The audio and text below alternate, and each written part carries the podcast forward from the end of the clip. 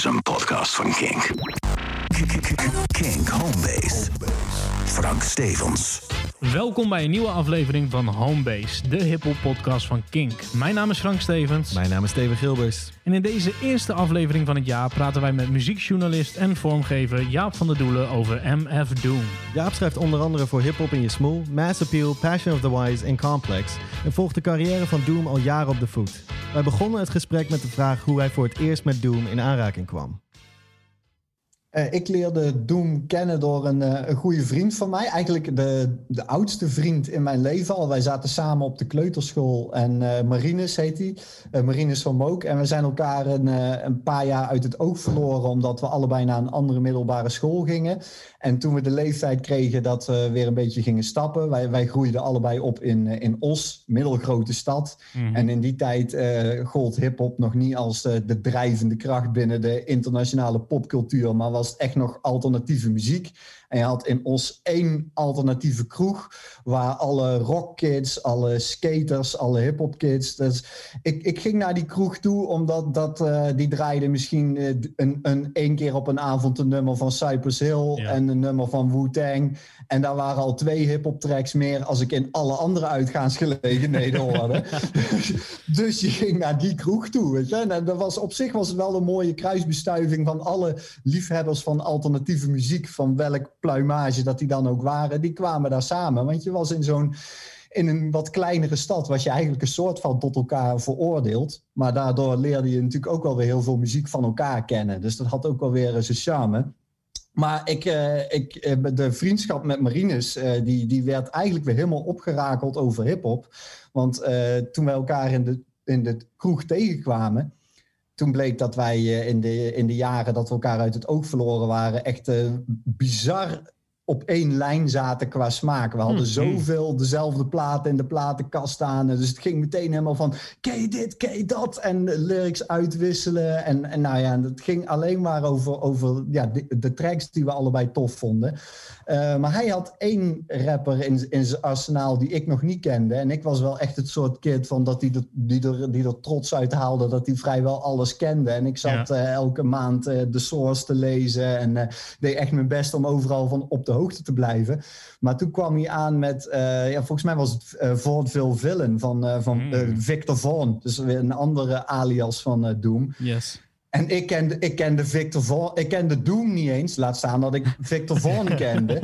Dus ik had echt zoiets van, nee, nee, dat, zeg me niks. Ja, echt, die plaat moet je checken. Check Victor Von. Nou, ik geluisterd en had natuurlijk gelijk. Ik was meteen helemaal verkocht. Ik was eigenlijk al verkocht voordat ik Doom had horen rappen. Want hij opent die plaat met, uh, zo, met, met, met die, die Doom sample uit die Fantastic Four mm -hmm. cartoon. En dan als themesong van de plaat eigenlijk gebruikt hij de themesong van de 80s Spider-Man cartoon. Ja. Die ik als, als kind natuurlijk ook helemaal verslonden had. dus ik zat er al helemaal in qua vibe toen hij nog geen woord gerapt had.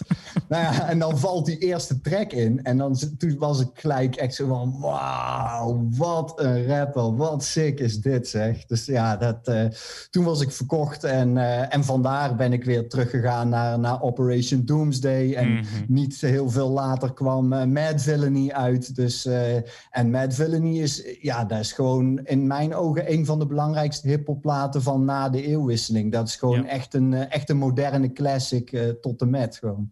En wat was het, of wat is het voor jou wat, wat MF Doom zo speciaal maakt? Want ik bedoel, er wordt vaak gesproken over zijn monotone rapstijl bijvoorbeeld. Wat ik zelf heel, heel tof vind, is hij is de slechterik, maar er zat ontzettend veel humor in, in zijn lines. Dat is bijvoorbeeld voor mij echt een dingetje waar ik ontzettend van kan genieten als ik naar Doom luister. Wat ja. is dat voor jou? Wat, wat, wat maakt Doom zo uniek en, en zo anders?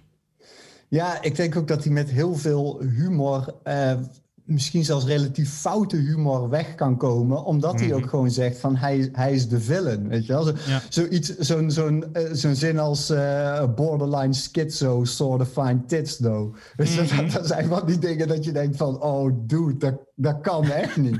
maar hij is een supervillain. Tuurlijk kan hij dat zeggen. Dat...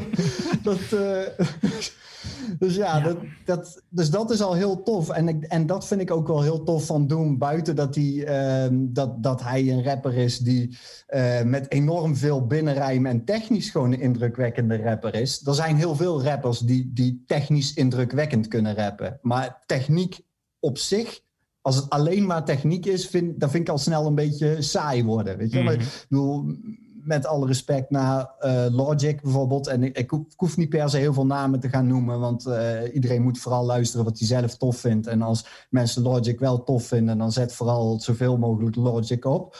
Maar ik vind het persoonlijk een vrij saaie rapper, omdat ik er buiten de technische vaardigheid niks in hoor. Ik vind de, en, en uh, Doom heeft en een enorme technische vaardigheid. Ja. Uh, en is een, een heel begaafd schrijver. Heeft gewoon echt, Ja. echt wel gewoon bars en ook goede grappen in die bars zitten. Uh, maar wat, wat hem helemaal nog volgens mij boven heel veel van de massa uit doet stijgen, is dat spelen met al die, die personages. Mhm. En dat heeft, die, heeft hij eigenlijk heel zijn carrière al gedaan. Op het, het track ook Waar ik later pas achter kwam dat ik zijn, zijn debuut gewoon wel al in de kast had staan. Maar toen wist ik dus niet die Doom was. Ik had wel gewoon die, die uh, gasface uh, op de, de cactus Ah. die van, uh, van Third, Base, Base, al ja, ja. in de kast staan. Dus ik had gewoon zonder dat ik het wist al een Doom-verse in mijn collectie zitten. Alleen toen was hij nog geen Doom. Uh, maar op het eerste KMD-album, wat er uh, na Gasface uitkwam, dat, dat Mr. Hood was ook Mhm. al een heel karakter dat ze verzonnen hadden om weer als rode lijn door die plaat heen te werken. Weet je? En Dus het zit daar alleen- al van begin af aan in. Niet alleen het karakter, maar ook de samples. Want de hele Mr. Hood vooral wordt ook gewoon eh, door middel van samples verteld. Het, eh, zij reageren op al die samplestukjes. Dus dat Ja. wat ook Doom qua producties later heel veel ging doen... kwam ook daar heel, al heel erg naar voren. Dat, dat zat er daar al in. Eh, iets grappigs wat ik trouwens ook hoorde in een ander interview... was dat... ehm, die sloppiness die, die Doom altijd had. Gewoon, het hoefde allemaal niet allemaal opgepoetst te zijn en alles. Het schijnt dus dat Subrock, zijn broer met wie hij dus in KMD zat... dat dat de persoon was die af en toe stiekem de boel een beetje opschoonde. Dus dat Doom die was Oh, al ja? hartstikke sloppy... maar Subrock die ging dan nog eventjes sneller doorheen... om toch nog even wat kickjes aan te passen... en, en misschien de snare wat zachter te zetten... om het toch wat, wat, wat smoother te maken. Hij containde de villain eigenlijk een beetje voordat hij... Precies. ja, Uh, nice. Ja, en natuurlijk, eh, ehm, wat ik ook heel grappig... eh, op dit moment zijn er natuurlijk heel veel eh, interviews die naar voren komen. Stretch en Babito Ja. hebben een hele serie, of eh, een hele special gedaan. One Epstein heeft een hele serie gedaan. En wat er ook naar voren kwam, is dat iedereen ook zei van... ja, maar het was voor ons altijd al Doom. Al zelfs Ja. in de KMD-tijd, want hij heet natuurlijk Daniel Dumoulin... en het was altijd al gewoon Doom. Dus ook funny hoe dat karakter er altijd al in heeft gezeten. Het- Het het- het is Ja. altijd geweest, maar het is wel een van de... Nou ja, als je mij vraagt, beste comeback stories eh, eh, alle tijden binnen hip-hop. Ja, het is eigenlijk gewoon een, de origin van een, van een comic book supervillain. Heeft hij gewoon Mhm. uit, zijn, uit zijn eigen leven gehaald. Ja. Dus, en dat vind ik ook wel iets, iets eh, moois van, van Doom. Is dat hij heeft een van de meest tragische gebeurtenissen in zijn leven. Hè. Zijn, Ja. zijn eh, broer Subrock is, is in een verkeersongeluk overleden. Nou, dat, dat drukt natuurlijk al enorm eh, op je ziel. Want hij was heel tight met zijn broer op, op creatief en emotioneel vlak. En waren gewoon Mhm. echt, ja, waren gewoon broers op, al, op alle fronten.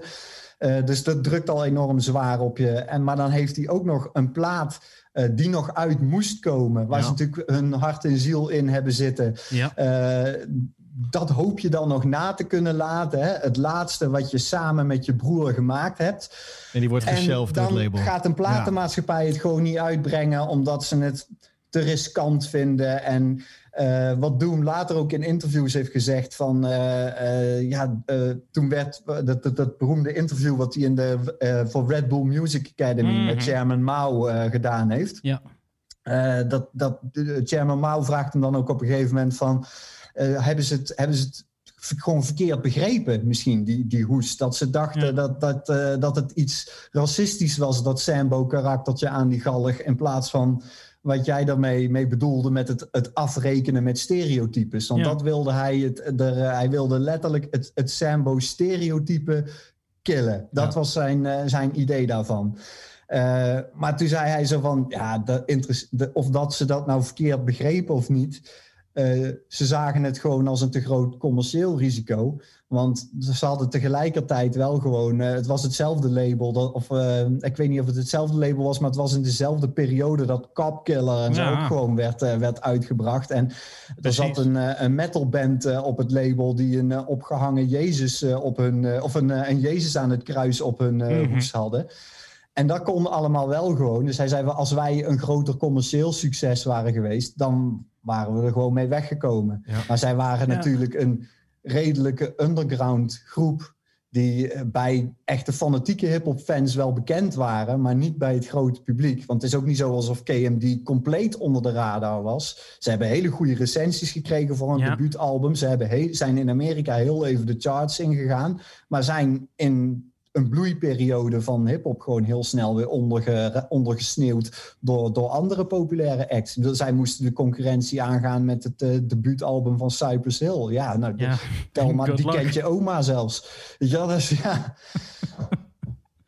Hey, uh, je zei het net al, op een gegeven moment kwam je er dus achter dat jij gewoon die eerste verse van Doom al in je platenkast had. W wanneer was dan voor jou het moment dat jij erachter kwam dat hij Zev Love X van, van, van KMD was voorheen? Ja, dat was toen ik echt die, die comic book origin in ging duiken. hè? Mhm. Dat je dan uh, toch de spaarzame interviews die hij uh, gedaan heeft uh, gaat lezen. En, dat je, en, dan, en toen hoorde ik hem echt inderdaad vertellen, of las ik hem dat hij vertelde over, uh, over zijn broer Subrock. Ja.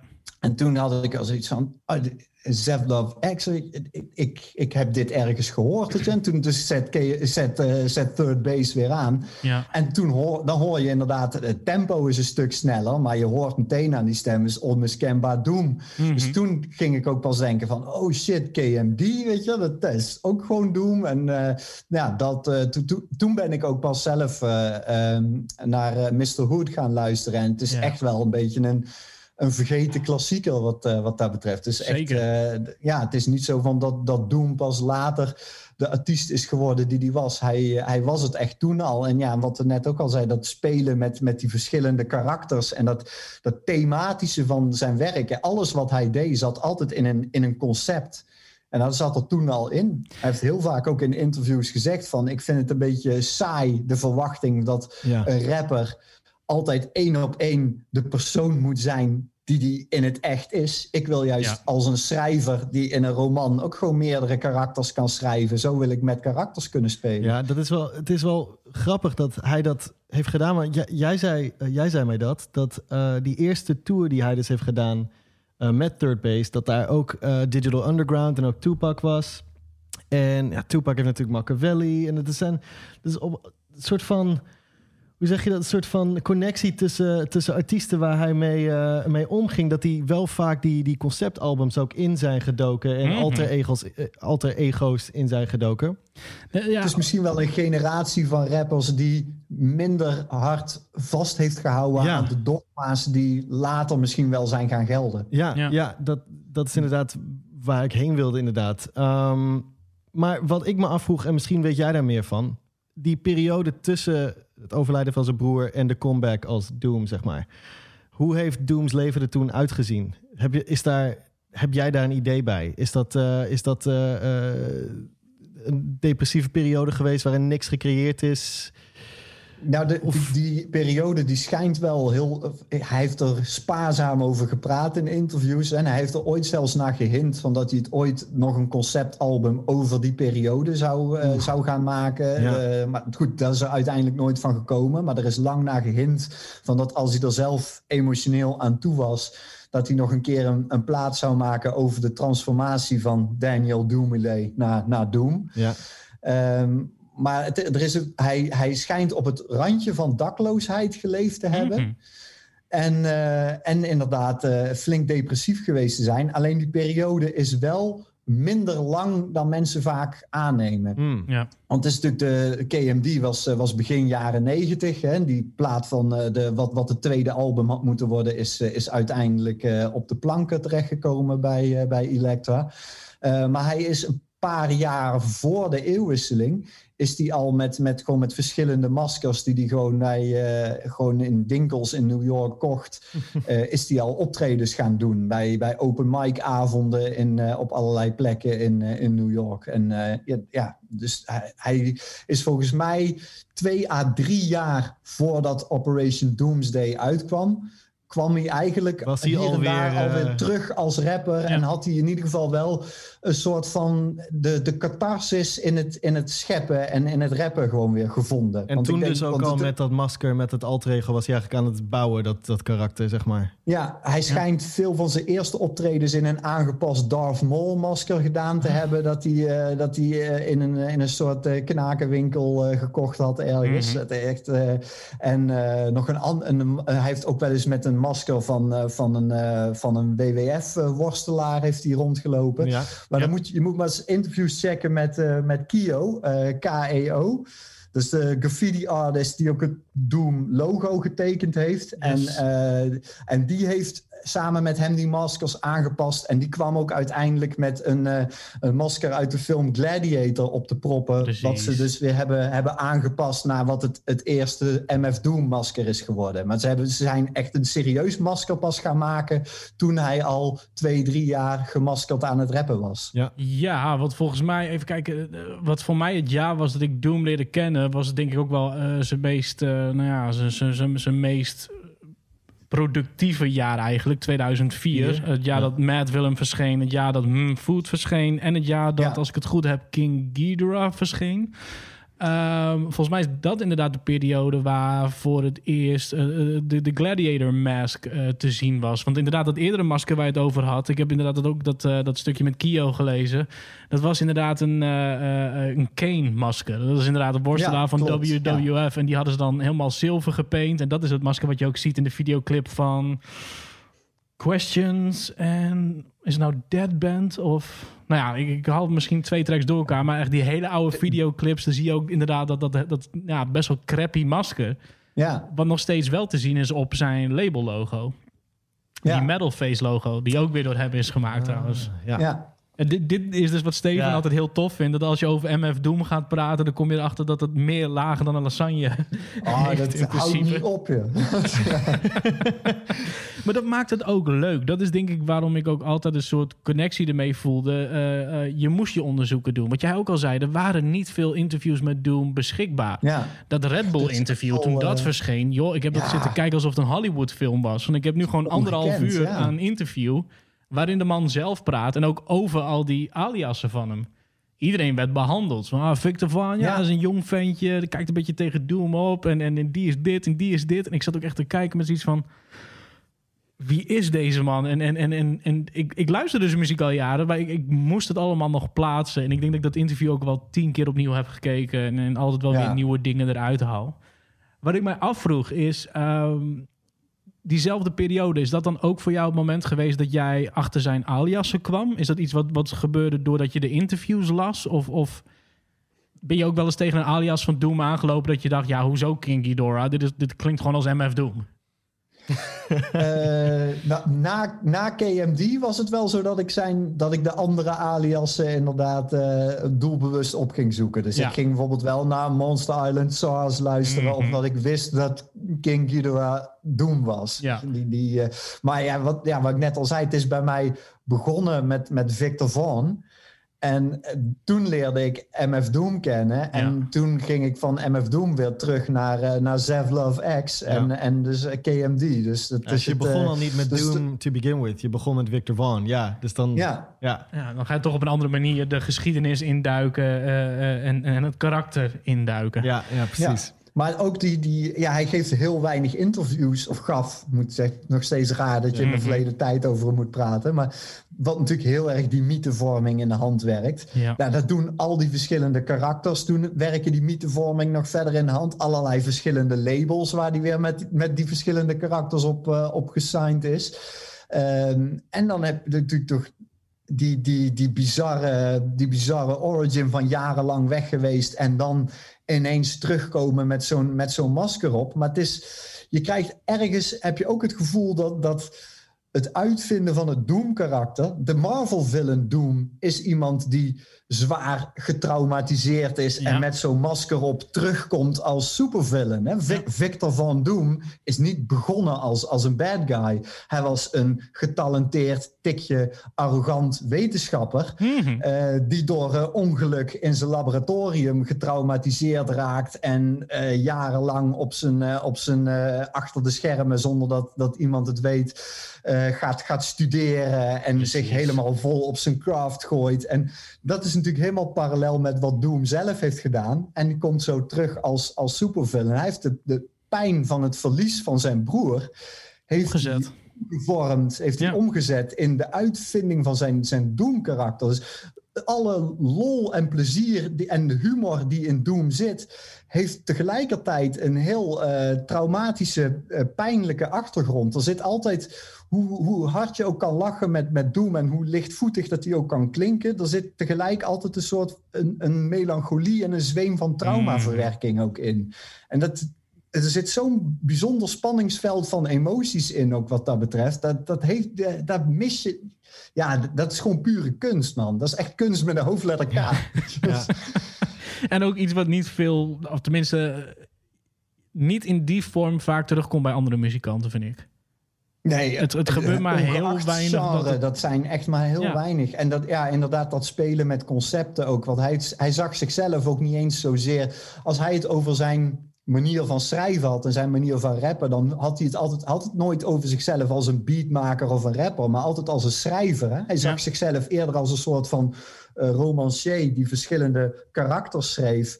Eh, en en het, eh, het- die, ik had de indruk dat het hem ook echt stak dat sommige mensen weer boos werden dat hij eh, niet altijd degene was met masker op tijdens optredens. Ja, Omdat hij dat totaal niet als oplichterij zag. Heel Nee. veel mensen dachten van ja, hij maakt zich er gemakkelijk vanaf. Hij, eh, hij heeft geen zin om op te treden, dus hij stuurt gewoon iemand anders. Maar hij heeft dus zelfs optredens gedaan dat hij in de coulissen stond. Ja. het daadwerkelijk live te rappen. ja. En nog steeds iemand anders het podium opstuurde om Precies. zijn live raps te playbacken. Dus Gewoon het is niet dat hem- hij niet wil. Het is niet dat hij niet naar die zaal toe wou. Hij zat Hij gewoon vaak nog- backstage te lachen. Precies. Hij vond het nog steeds tof om gewoon live te spitten. Ja. Maar het ging hem om het concept. Het hele concept van Doom was ook van... ik haal mij als persoon hieruit. Juist. Het gaat om het karakter wat ik met deze muziek neerzet. En niet Ja. gaat... Doom is niet Doomilay. Doom is voortgekomen uit Doomilay, maar die is het niet. En net als Victor Vaughn en King Ghidorah zijn allemaal karakters die uit hem voortkomen, maar hij zijn het niet. En die, die, die playback acties, die probeerde die, dat probeerde hij daarmee te bekrachtigen en te benadrukken. En ik kan hem heel goed voorstellen dat eh, mensen zich daar bekocht door voelen. Want ik zou ook balen als ik naar een optreden eh, ging en, en Doom was er niet. Weet je? Je denkt, ik ga, ik, want je wil hem live horen spitten. Maar er zijn dus genoeg momenten geweest dat, dat hij ook daadwerkelijk daar was. En dat mensen in de zaal nog boos waren van, ja, dat Ja. was Doom helemaal niet. Ik denk dat Doom, eh, die had gewoon af en toe misschien beter op Oerol of zo moeten optreden in plaats van in Paradiso. want, eh, want daar hadden ze het allemaal, oh wauw, maar hij is het niet. Wow, weet je. En dat, dat, Maar dat, is ook het waarom ik hem, dat is ook waarom ik hem vaak de hip-hop en die Kaufman noem. Ja, ja, Hij, ja. hij keek ook gewoon naar dat hele proces als, als kunst. Eh, wat ik me afvroeg, omdat we het hier nu over hebben. ehm, heb jij Doom ooit live gezien?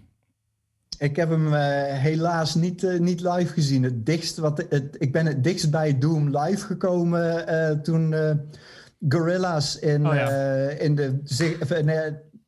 Was niet de Ziggo Dome, was de Heineken Musical. ja. Wat nu eh, de AFAS eh, heet. Er stonden Gorilla's toen met de, de tour van Demon Days. En eh, De La Soul was er wel live bij. Die deden toen ook het voorprogramma. Ja.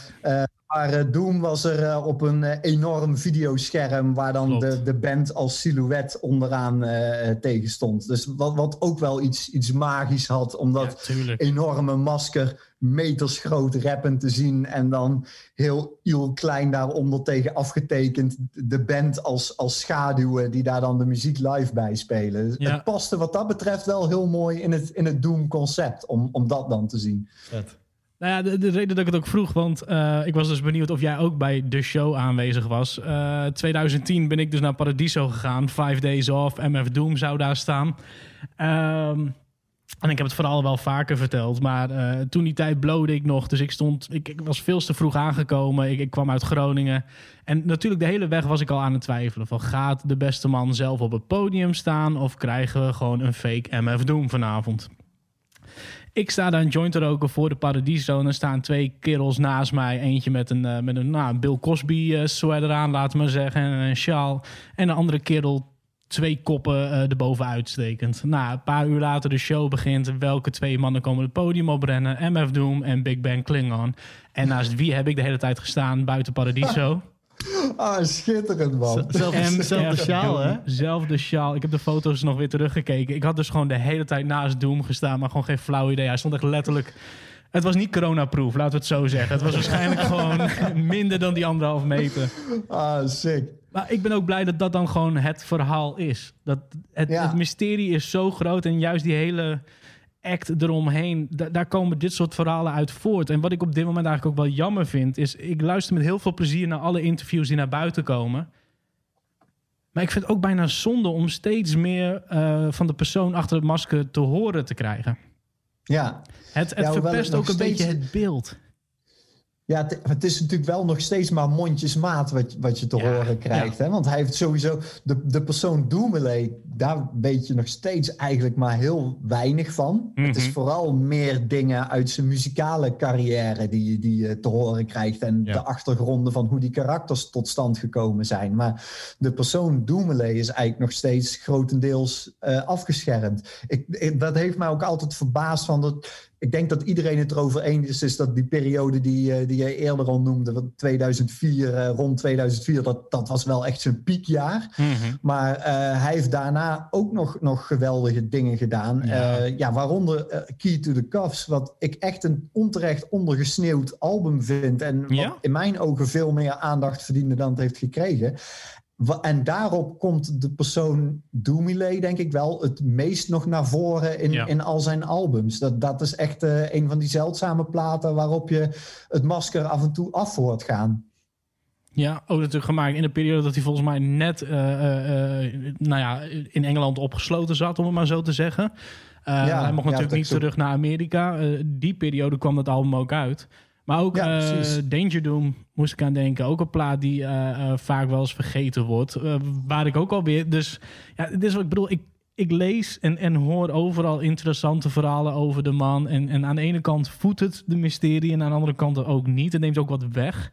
Maar ehm, heb jij het interview gelezen met de vice-president van Adult Swim over MF Doom? Dat interview heb ik geschreven. Of heb, of heb je het over een ander interview? Ehm dan ga je niet, dan ga je Als, niet als, het over, als het over het interview gaat wat hij eh, met Mass Appeal heeft gedaan, een paar jaar geleden. Toen die, die, hij heeft die eh, serie, ehm, toen die, die Missing Notebook Rhymes serie Ja. begon. Ja, klopt. Toen heb ik voor, eh, voor Mass Appeal heb ik, toen, heb ik hem geïnterviewd daarover. Wauw. Nee, ik bedoel eentje van twee dagen terug die op OK Player is verschenen. Oh, Oké, nee, die heb ik nog niet gelezen. Maar dan weet jij dit feitje dan misschien ook wel. Want, oh, dan heb ik sowieso wel wat vragen daarover. hij had dus Doom eh, een, een, een, een, een aanbod gedaan om nog een Jason solo... DeMarco hebben we het over. Die, Ja, eh, ja. ja, ja. Om dus gewoon een Doom solo plaat te maken. Waarbij hij gebruik mocht maken van de hele bibliotheek van Hanna-Barbera. Waar dus ook die oude Fantastic Four cartoons bij zaten. Ja, ja En hij heeft het niet gedaan. al, eh, ja, en hij heeft hem zelfs een advance van, als ik me niet Ja. vergis, 45.000 Precies. dollar daarvoor betaald. Ja, precies. En ja, en toen was gewoon. Hij, en, en ineens heeft hij hem gewoon jaren niet gesproken. Nee. En, to- en toen was hij daar weer zo pissig over dat hij Doom ook een aantal jaren niet gesproken heeft. Omdat hij gewoon eh, bij de, de top van de zender heeft uit moeten leggen waarom dat hij 45.000 euro betaalde aan, een, aan een dude die nergens meer te vinden was. Dus ja, maar dat bedoel ik. Het maakt het mysterie groter. ja. Maar aan de andere kant, eh, eh, hij zei zelf ook al in, het, in, in, in hetzelfde interview van... Doom ging ook wel heel hard op die spanning. Dus dat er altijd iets was, dat er altijd iets gebeurde... dat, dat, dat er altijd mensen vragen Ja. over hem hadden. Daar ging hij ook wel lekker op. Maar hij zei ook, eh, er is ook een reden dat het allemaal zo geheimzinnig bleef. Deze man heeft meer ups en downs gehad dan je zou verwachten. Het, het stopt niet met de dood van zijn broer toen die tijd... Of, of het feit dat hij Amerika niet in mocht... of het verliezen van Ja. zijn zoon drie jaar terug. Het, het schijnt dat er wel veel meer achter de schermen aan de hand was... Ja, de Monster Island SARS is toen ook niet uh, heel uh, gelukzalig afgelopen. Nee. Volgens mij had, heeft hij met uh, Grim ook, ook zeker tien jaar niet meer gesproken. En die hele, ja. die hele crew is uit elkaar gevallen. En daar is ook weer een hoop ruzie over, over geld weer. Terwijl dat zal nooit een groep geweest zijn waar het geld tegen de plinten op klotste, lijkt mij. nee, maar, nee. Maar, maar, het geld dat er binnenkwam, daar werd in ieder geval wel over geruzied uiteindelijk. Dus ja, dat is ook niet allemaal heel heel netjes gegaan. Maar ik denk ook ergens dat, dat Doom uh, een type was. En dit is een beetje speculatie natuurlijk van, van mijn kant. Uh, maar heel erg geïnteresseerd in het, in het maken en in het schrijven en in het tracks maken. En uh, de zakelijke kant die erbij komt kijken ja. bij een artiest die eigenlijk zonder dat hij het in de gaten heeft zo groot wordt. Hij, hij was veel groter geworden dan dat zijn zakelijke interesse had. Hij was puur gericht op het maken van, van die tracks. En het beheren van het merk Doom aan de zakelijke kant. Daar had hij eigenlijk gewoon één betrouwbaar toegewijd iemand voor moeten hebben. Ja. Um, want het, het, interesseerde hem te weinig om dat, om dat goed te doen. Alleen hij hij was een indie-artiest die het op, op een gegeven moment zo groot was dat hij het eigenlijk zich niet meer kon permitteren om indie-artiest te blijven. Mhm. hij had gewoon een aantal zakelijke mensen om hem heen nodig en die heeft hij uh, denk ik nooit gehad. Ik denk niet dat het kwaaie wil is geweest, want ja, wat Jason DeMarco ook uh, vertelde is dat hij. Um, dat hij dus, hij heeft jaren niet met, met, met Doom gepraat vanwege dat fiasco van die tweede plaat die ze in samenwerking met Adult Swim zouden doen. Ja. Maar toen ze uiteindelijk op een gegeven moment wel weer uh, jaren later elkaar praten, zijn ze meteen uh, om de tafel gaan zitten om die Missing Notebook Rhymes mm -hmm. serie te gaan doen. Uh, die halverwege gestopt is. Ja. Omdat daar weer juridisch helemaal geen ene fuck van bleek te kloppen. Ik weet waar je Want hij zou gaat. 15 weken lang elke week een track droppen via Adult Swim. Hadden ze een speciale sub-website voor gemaakt. Ja. En na zeven weken, halverwege, stopt die serie ineens. Omdat blijkt dat en producers van Beats helemaal niks voor die tracks betaald hebben gekregen. Uh, features op die tracks niet gecleared zijn. Nee. Uh, en hij uh, volgens mij op dat moment aan Lex Records, aan zijn, zijn Britse label waar hij mm -hmm. bij gesigned was, eigenlijk een nieuw album schuldig was. Want hij had voor zoveel albums getekend bij Lex. Dus hij kon helemaal niet ineens iets via, nee. uh, via Adult Swim uitbrengen. Want hij was gewoon Lex Records een nieuw album schuldig.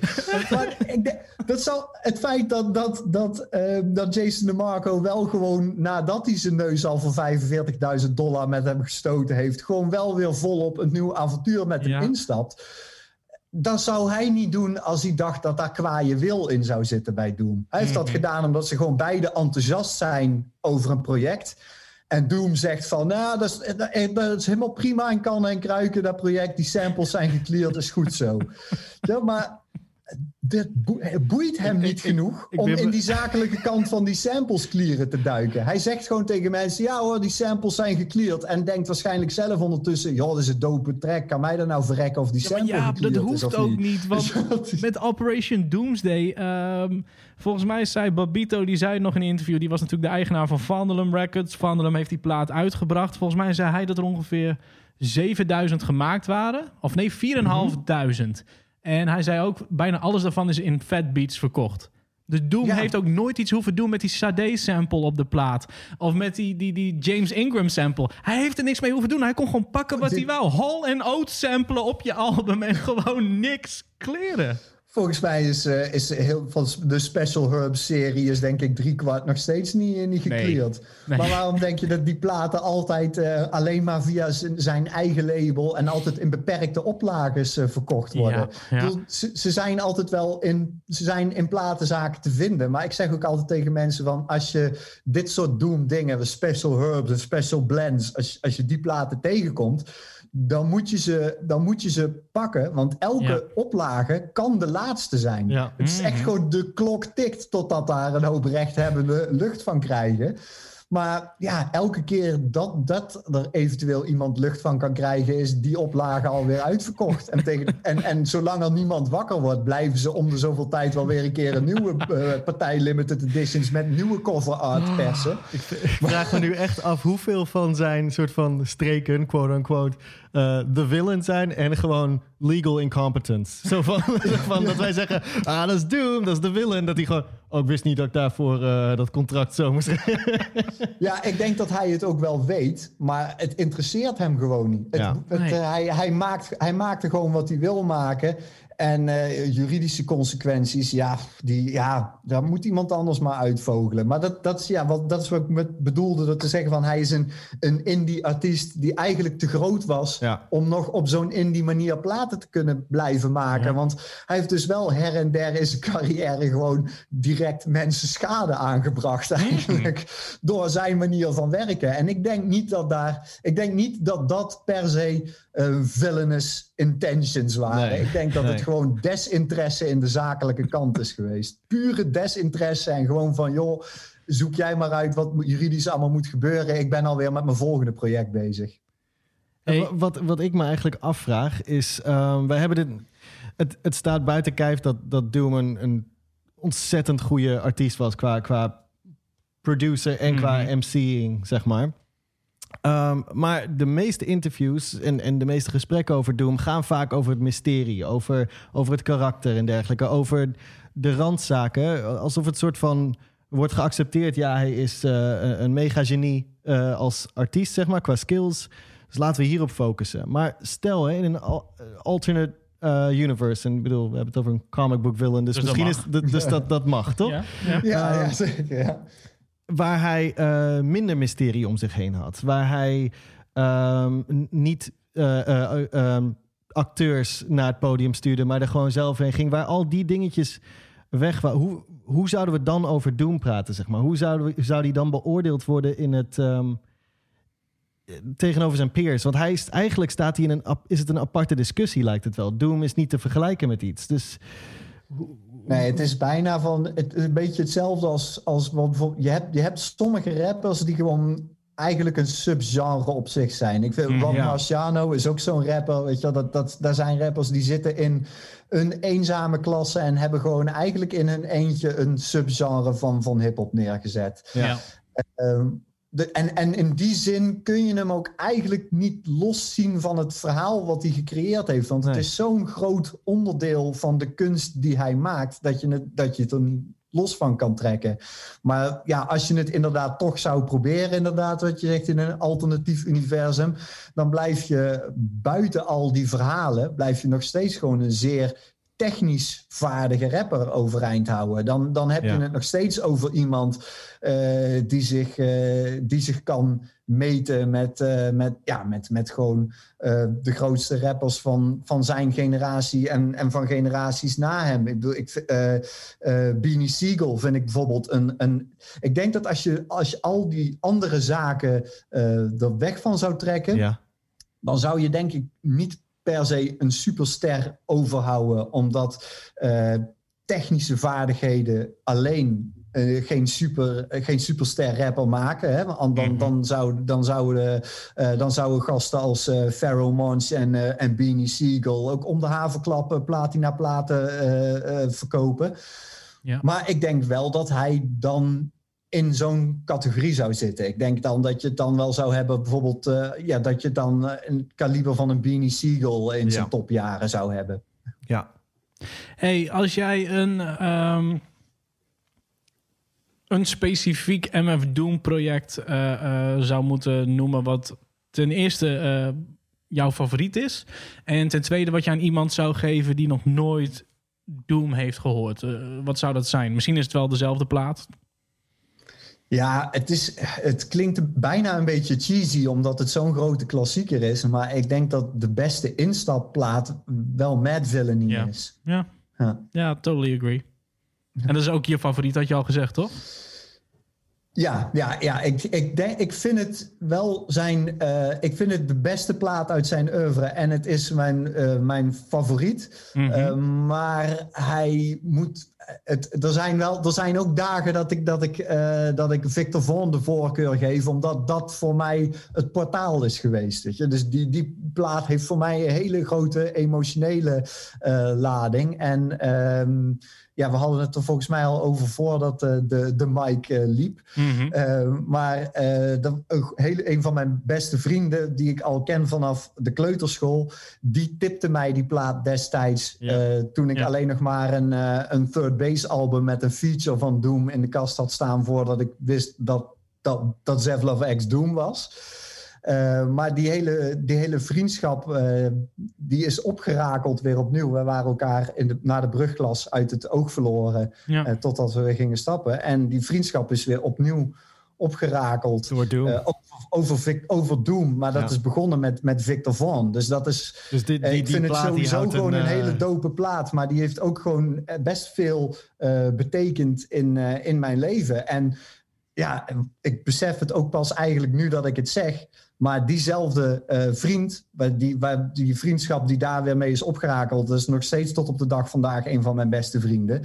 Maar ik ben via hem ook weer binnengekomen, bijvoorbeeld bij de redactie van eh Hip Hop in je Smoel. Mhm. Eh, in, in die tijd eh, was ik een grafisch vormgever die er als hobby muziekjournalistiek bij deed. Hè. Dat was nog in de jaren van dat eh, bloggen op internet het, eh, het wilde westen was en iedereen Ja. een blog kon beginnen en daar ook daadwerkelijk lezers mee kon vinden. En door als hobby naast mijn werk muziekjournalistiek te bedrijven, ehm, ben ik uiteindelijk ook weer de journalistiek ingerold en is, is journalist mijn beroep geworden. Dus ehm, zonder, zonder, die, zonder die plaat, zonder Victor Vaughn, had misschien zelfs mijn leven er al totaal uitgezien. leven. Ja. Was ik nu misschien helemaal geen muziekjournalist geweest? Ja, bizar. Ja, dat is echt. Ja, dat is. Ik, ik, ik heb deze, eh, deze dingen ook wel eens in mijn hoofd. Ik, ik heb eh, promotieonderzoek gedaan naar, ehm, naar Tupac. En dat je soms denkt: goh, als ik niet als jong jochie een keer die Eminem-plaat en daardoor meteen Dr. Dre en toen ook Tupac ging checken, en het- dan. Waar stond ik dan nu? En dat is eh, iets wat, wat artiesten. ehm, ja, dat gebeurt niet vaak, maar er, er kan zo'n impact zijn van een bepaalde plaat of een bepaalde artiest. eh, die, ja, die gewoon de rest van je leven eh, gaat bepalen vanaf dat moment. En ja, dat is, dat is typisch dat iets als een artiest als Doom dat dan heeft veroorzaakt, denk ik. Dat is. Ja, ja. Ja, ik, ik denk voordat we, voordat we het afsluiten, moeten we het, eh, moeten we het er toch eigenlijk een beetje over hebben. Ehm, ook al weten we alle drie niet de antwoorden hierop. Eh, het feit dat dit nieuws dus op oudjaarsavond naar buiten wordt gebracht. Eh, Ja. Dat de beste man die bekend is omdat hij, onder andere omdat hij een masker draagt, eigenlijk al op Halloween is overleden. Ehm, ja, dat is al zoiets. Ja. ja, ik, ik, heb jij enig moment getwijfeld? Want ik weet nog dat ik zag het toen het echt nog na volgens mij een paar seconden daarvoor was gepost. dat was echt een minuut stond het en online. volgens mij heb ik echt eerst tien minuten lang lopen lezen. Zo van, oké, wat mis ik hier? Volgens mij weet ik maar al te goed wat hier staat. Maar ik ging... In, in één keer was ik zo'n complot. Gekkie, ik ging in één keer op zoek naar dingen die er niet waren. En ik wou het gewoon niet accepteren. Ja. Volgens mij hebben we eerst tien minuten gewacht voordat Rhymesayers het bevestigde. En toen in één keer gingen alle usual suspects... van een Flying Lotus tot aan een Q-tip... Ja. maar ook MC Search het zeggen. Ja, jij dacht nog van, oh, misschien is het de dood van het Doom-karakter. En gaat hij nu met een nieuw karakter verder of zo? Maar ja, waarom had hij dan dat masker op die foto? En het was, het was ehm, ja, jij ging, eh, jij ging wel ehm, alle stages of, eh, van, van het rouwproces door in, eh, Mhm. in, een, in een kwartier of zo. eh, inclusief denial. En ehm, ja. Ja. hoe was Ja, dat voor jou eigenlijk? Ja, idem dito. Ik, Mijn eerste reactie was ook, en, en eh, ik weet het niet zeker of dat ik het naar vrienden geappt heb eh, of dat ik het getwitterd heb. Eh, of allebei misschien wel. maar ik las het op de, de. Ik las het nieuws via de Twitter van Flying Lotus. En, ehm, en toen dacht ik, in, in mijn eerste reactie was ook meteen van... Ah, laat, laat dit een of andere sikke villain-streek weer zijn. Als, Ja, dit, ja. dit, dit, dit, eh, het kan niet, weet je, ongeloof. Eerst, eerst wil- niet geloven, toen meteen gaan bedenken van... Nou, dit is, dit is weer een streek van hem inderdaad. Het is, dit is een villain-actie. Ehm, maar toen ging ik natuurlijk eh googlen wat er aan de hand was... Eh, en toen eh, zag ik dat het statement van door zijn vrouw naar buiten was gebracht. Mhm. En dat zijn vrouw daarin ook nog ehm, eh, refereerde aan hun zoon Malachi, die Yes. in 2017 is overleden toen hij nog Ja. maar eh, 14 eh, jaar oud was. Eh, wat overigens ook weer een paar maanden was nadat die Missing Notebook Rhymes serie was, Mhm. abrupt was gestopt. Eh, wat ik ook pas, eh, die, die twee dingen heb ik ook pas later bij elkaar opgeteld. Want buiten alle eh, juridische haken en ogen die, die daarbij waren. en alle de zakelijke dingen die die serie die das om hebben gedraaid. eh, kan me ook heel goed voorstellen dat hij gewoon geen zin meer had om die zakelijke dingen wel goed te regelen. Omdat dus achteraf bleek dat Ja. zijn zoontje gewoon ernstig ziek was in Ja. die periode. En dat ziektebed uiteindelijk ook eh, ja, met, met tot de dood heeft geleid. Dat wil je Ja. beters te doen, Ehm, zeg maar. Ja. Ja, precies. Nou, en ehm, dat zijn, zijn vrouw en zijn overleden zoon in een stunt betrokken zouden worden. Ja. Van een man die juist altijd zijn, zijn privéleven zo ver van die karakters heeft gehouden. Mhm. Toen dacht ik van nee, dat is, het, het past niet bij Doom om ineens zo de privé-mensen van eh, uit de wereld van Daniel Doomiley hierin te sleuren. En, en zijn, zijn, op het moment dat, dat zijn vrouw en zijn overleden zoon daarbij betrokken raakten, eh, toen dacht ik van nee, dit, dit, is, eh, dit is echt. Weet je? Dit is te, te atypisch Ja. voor de villain om, eh, om deze mensen hierbij eh, te gaan betrekken. Zij spelen geen rol in het, in het eh, comicboekverhaal dat hij opgetuigd heeft. En als, zij, al- als dit nu, ehm, als het zo naar buiten komt, dan, dan, dan is het gewoon, dan is het legit. En dan, dan moet ik gaan aanvaarden dat het, dat het geen stunt is. Ook al denk ik wel dat het late moment ervan, Ja. daar ben ik eigenlijk wel van overtuigd dat dat iets is dat hij samen met zijn vrouw bekokstoofd heeft. Ik denk dat als je Nou. op 49-jarige leeftijd overlijdt en, eh, en het komt voor iedereen onverwacht en 49 jaar is, is jong en niet, voor zover eh, iedereen wist had hij niet een of andere serieuze ziekte onder de leden. Eh, dus ja, dan, dan moet daar een bepaald ziekbed aan vooraf gegaan zijn, zou je, zou je denken. Ja. Ja. En eh, als dat zo is, dan ben ik ervan overtuigd dat hij tijdens dat ziekbed nog met zijn vrouw heeft bedacht van eh, wat, is een goed, wat is een mooi dramatisch moment om even nog een laatste villainactie eh, te doen. Ja, ik noem het ook zijn publiek jennen. eh, niet alleen omdat het natuurlijk oudjaarsavond is. En dat is dan ook een groot moment wat hij ervoor uit heeft gekozen. Zoals jij eerder ook al zei, een mooi dramatisch groot moment. Maar ik zag het ook wel gewoon als een soort nog een, een middelvinger met een knipoog. Zo van, Ja. het is oudjaarsavond, iedereen wil feesten. En net op dat tijdstip ze van... Oh, ettenbak, weet je, had, het ook En- niet morgen gekund? Ja, en iedereen had het er al over van. Iedereen was al van die grappen aan het maken van. Oh, 2020, fuck you. Weet je wel, Ja. blij dat het voorbij is. Eh, John Oliver, die aan het einde van zijn show het jaar 2020 opgeblazen heeft. Weet je Ja. Dat was met een letterlijke explosie. En iedereen was helemaal klaar met het grote rampjaar 2020. En toen kregen we nog één trap van 2020 daarna, weet je wel. Maar, en, en ineens is het, groot, het laatste grote nieuws van 2020 is niet meer eh, de pandemie, is niet meer economische malaise. Het allerlaatste grote nieuws dat heel dat rampjaar domineert, is het, het overlijden van MF Doom, de supervillain. Ja. Zo dat, ja, dat is gewoon, eh, dat, dat is zijn laatste stunt geweest. Weet je? Dat, is, dat is echt wel gewoon, dat, ik ben ervan overtuigd dat dat zo bedacht is. Ja. Hey, wat ik, eh, eh, je, had het al eerder over, voordat we op de, op de recordknop drukten, eh, waren we al even in gesprek. En toen hadden we het onder andere over het feit dat nu hè, mensen die nog nooit van Doom hebben gehoord of hadden gehoord, die, die, die luisteren nu de muziek. Ehm, wat eigenlijk een heel mooi iets is.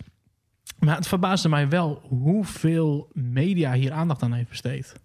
Het, het verscheen in één keer bij de Ja. NOS, eh, eh, nu.nl, volgens mij de Volkskrant. Ik, in ieder geval voor Nederlandse begrip had ik zoiets van... wacht even, waarom schrijven al deze mensen nu in één keer over MF Doom? En ja, ik, ik, weet, ik vind het gewoon hartstikke mooi om te zien... dat dat iets wat heel lang natuurlijk wel van mij was. Ik bedoel, in, in, in, in die Mhm. begintijd, eh, niemand kende het. Ik ging ook alleen naar die show toe. Dus het was van mij, dat was mijn kleine geheimpje. Weet je wel, MF Doom is de shit en alle alter ego's en, dat, alles. En die, dat is ook iets wat die mythevorming in, in stand eh, werkt. Hè? Dat Ja. je, als je, je het feit dat je achter die verschillende aliasen eh, aan moet duiken en dat je een soort van dat je echt werk moet verzetten om die hele discografie te ontdekken. En dat, dat Mhm. elke keer weer een nieuw rabbit hole eh, blijkt te zijn waar je in kan duiken. Dat maakt ook dat iets heel erg van jou gaat voelen. Ja. Want jij hebt dat, dat werk al verzet. De keerzijde daarvan is inderdaad van dat, dat, wat je, dat, dat sommige mensen dan eh, gaan trappen naar de mensen die dat Mhm. werk nog niet verzet hebben. En die, dat, die er dus laat bijkomen. Zo van, ja, maar jij, jij bent geen echte fan. Denk, nou ja, iedereen die deze muziek gewoon waardeert... is, Is een een, echte fan. even echte fan. Weet Ja. je? Dat is, ik vind het volslagen onzin om dat op een weegschaaltje te gaan leggen. Gun iemand anders juist die ontdekkingstocht die jij ook op hebt afgelegd. Maar dat hebben we toch ook Maar met ik Dilla gezien. Heel erg, ja, met Dilla precies Oh, je kent verhaal. geen Dat Slum gaan- Village? Sorry, Ja. Laat mensen dat Dat nog mensen- ontdekken. Ja, dat mensen dan gaan klagen over bandwagon jumpers. Zo, ja, waar was jij toen Dylan nog leefde? Ja, wat boeit dat nou? Weet je wel, wees, die, die, bedoel, het, is toch, het is alleen maar mooi voor de nazaten dat, dat, dat, zij nog gewoon, eh, dat er nog wat geld binnenstroomt voor hun. Hè? Die mensen Ja. moeten ook eten. Eh, hij is de kostwinnaar voor een gezin geweest, die valt weg. Dus wees blij dat eh, die familie overeind blijft. Dat ten eerste. En dan ten tweede. De, de waardering kan, is, is, kan net zo echt zijn op welk moment dat je het ook ontdekt. Dat doet niks af aan de beleving daarvan. En eh, ja, gun ieder gewoon eh, het plezier en, en de waarde die jij daaraan eh, aan gehecht hebt ook. Ehm, en ik denk dat dat, dat is voor, voor Doom is voor heel veel mensen dat plezier en die waarde des te groter, omdat ehm, ja, het, ze, ze het zo zelf hebben moeten ontdekken. Ja. Uh, maar je kan dit ook inderdaad als kans uh, zien om, om andere mensen. Geef, ik, heb lief, ik zie liever dat, nu, dat je mensen aanknopingspunten gaat geven. Probeer ze dan juist uh, op weg te helpen. En zeg van: Oh, je, je hebt nu Mad Villainy voor het eerst geluisterd. Vind je het tof? Doop. Victor Vaughn moet je ook checken. Precies. Weet je wel? Help ze juist verder op weg. In plaats van dat je naar mensen gaat zitten trappen van. Nee, je bent geen echte fan, want je hoort het nou voor het eerst. Precies. Ja, wat is dat voor bullshit? Ik had nog nooit van Jimi Hendrix uh, gehoord, want die, die, man was dood voordat ik geboren werd. Ja, is, ben ik, uh, is mijn waardering voor Electric Ladyland dan minder oprecht als Ja, ik die plaat ja. opzet? Dat is een totale flauwekul, toch? Precies, gun het uh, nieuwe luisteraars uh, om die ontdekkingstocht nu te beginnen en koester dat jij het kon doen terwijl het nog gaande was. Uh, ja. Dat hoeft niet Mhm. elkaar, Mooi tegen in de weg, samengevat. hoeft elkaar Ja. niet in de weg te zitten natuurlijk. Nee. Nee, absoluut niet. Maar om op de vraag nog terug te komen van uh, waarom dat er zoveel uh, media in uh, want, opgesprongen zijn. Ik denk dat dat ook ermee te maken heeft met dat uh, er waarschijnlijk ook journalisten zijn die diezelfde impuls hadden als die jij en ik hebben. Dat ze er gewoon heel veel waarde uitgehaald hebben. Ja. Maar dat geldt ook, uh, denk ik, voor heel veel beatmakers, rappers, fans. Hij is sowieso een rapper geweest die gewoon een hele generatie aan nieuwe rappers heeft geïnspireerd. Mhm. Van, ook van, van rappers die misschien wel veel uh, groter en beroemder geworden zijn bij het grote publiek. Uh, maar in die zin wel een, een, een, uh, een, een rapper als rapper. Weet je? Hij, is, hij is van 9 van de 10 van uh, jouw favoriete rappers, is hij de favoriete rapper. Weet je? ja. Heel, al, die, al die kids van Odd Future zijn ondertussen ook geen kids meer trouwens, zijn, onder, zijn ondertussen ook volwassen kerels. Maar toen dat nog kids waren. Ja, maar toen zij nog kids waren, gingen ze hard op, op die. Weet je? Ja. Zij, dat, dat is ook de Ja. shit waar zij mee opgegroeid zijn. Tyler, the Creator, zou nu geen festival staan te headlinen zonder MF Doom. Ja. Dus, eh, en, en dat maakt natuurlijk wel ook dat hij, een, eh, dat hij een grote nieuwswaarde heeft. Omdat hij misschien zelf niet de grote naam is of de, of de superster. Maar een eh, onschatbare waarde op de hip-hop-historie heeft, heeft gehad het is onmogelijk te zeggen hoe hip-hop anno 2020 eruit zou zien eh, zonder een mad villainy.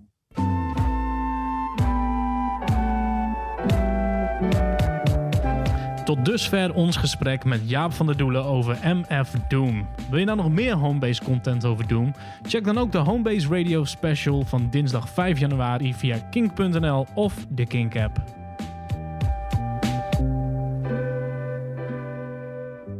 Dit is een podcast van Kink. Voor meer podcasts, playlists en radio, check kink.nl.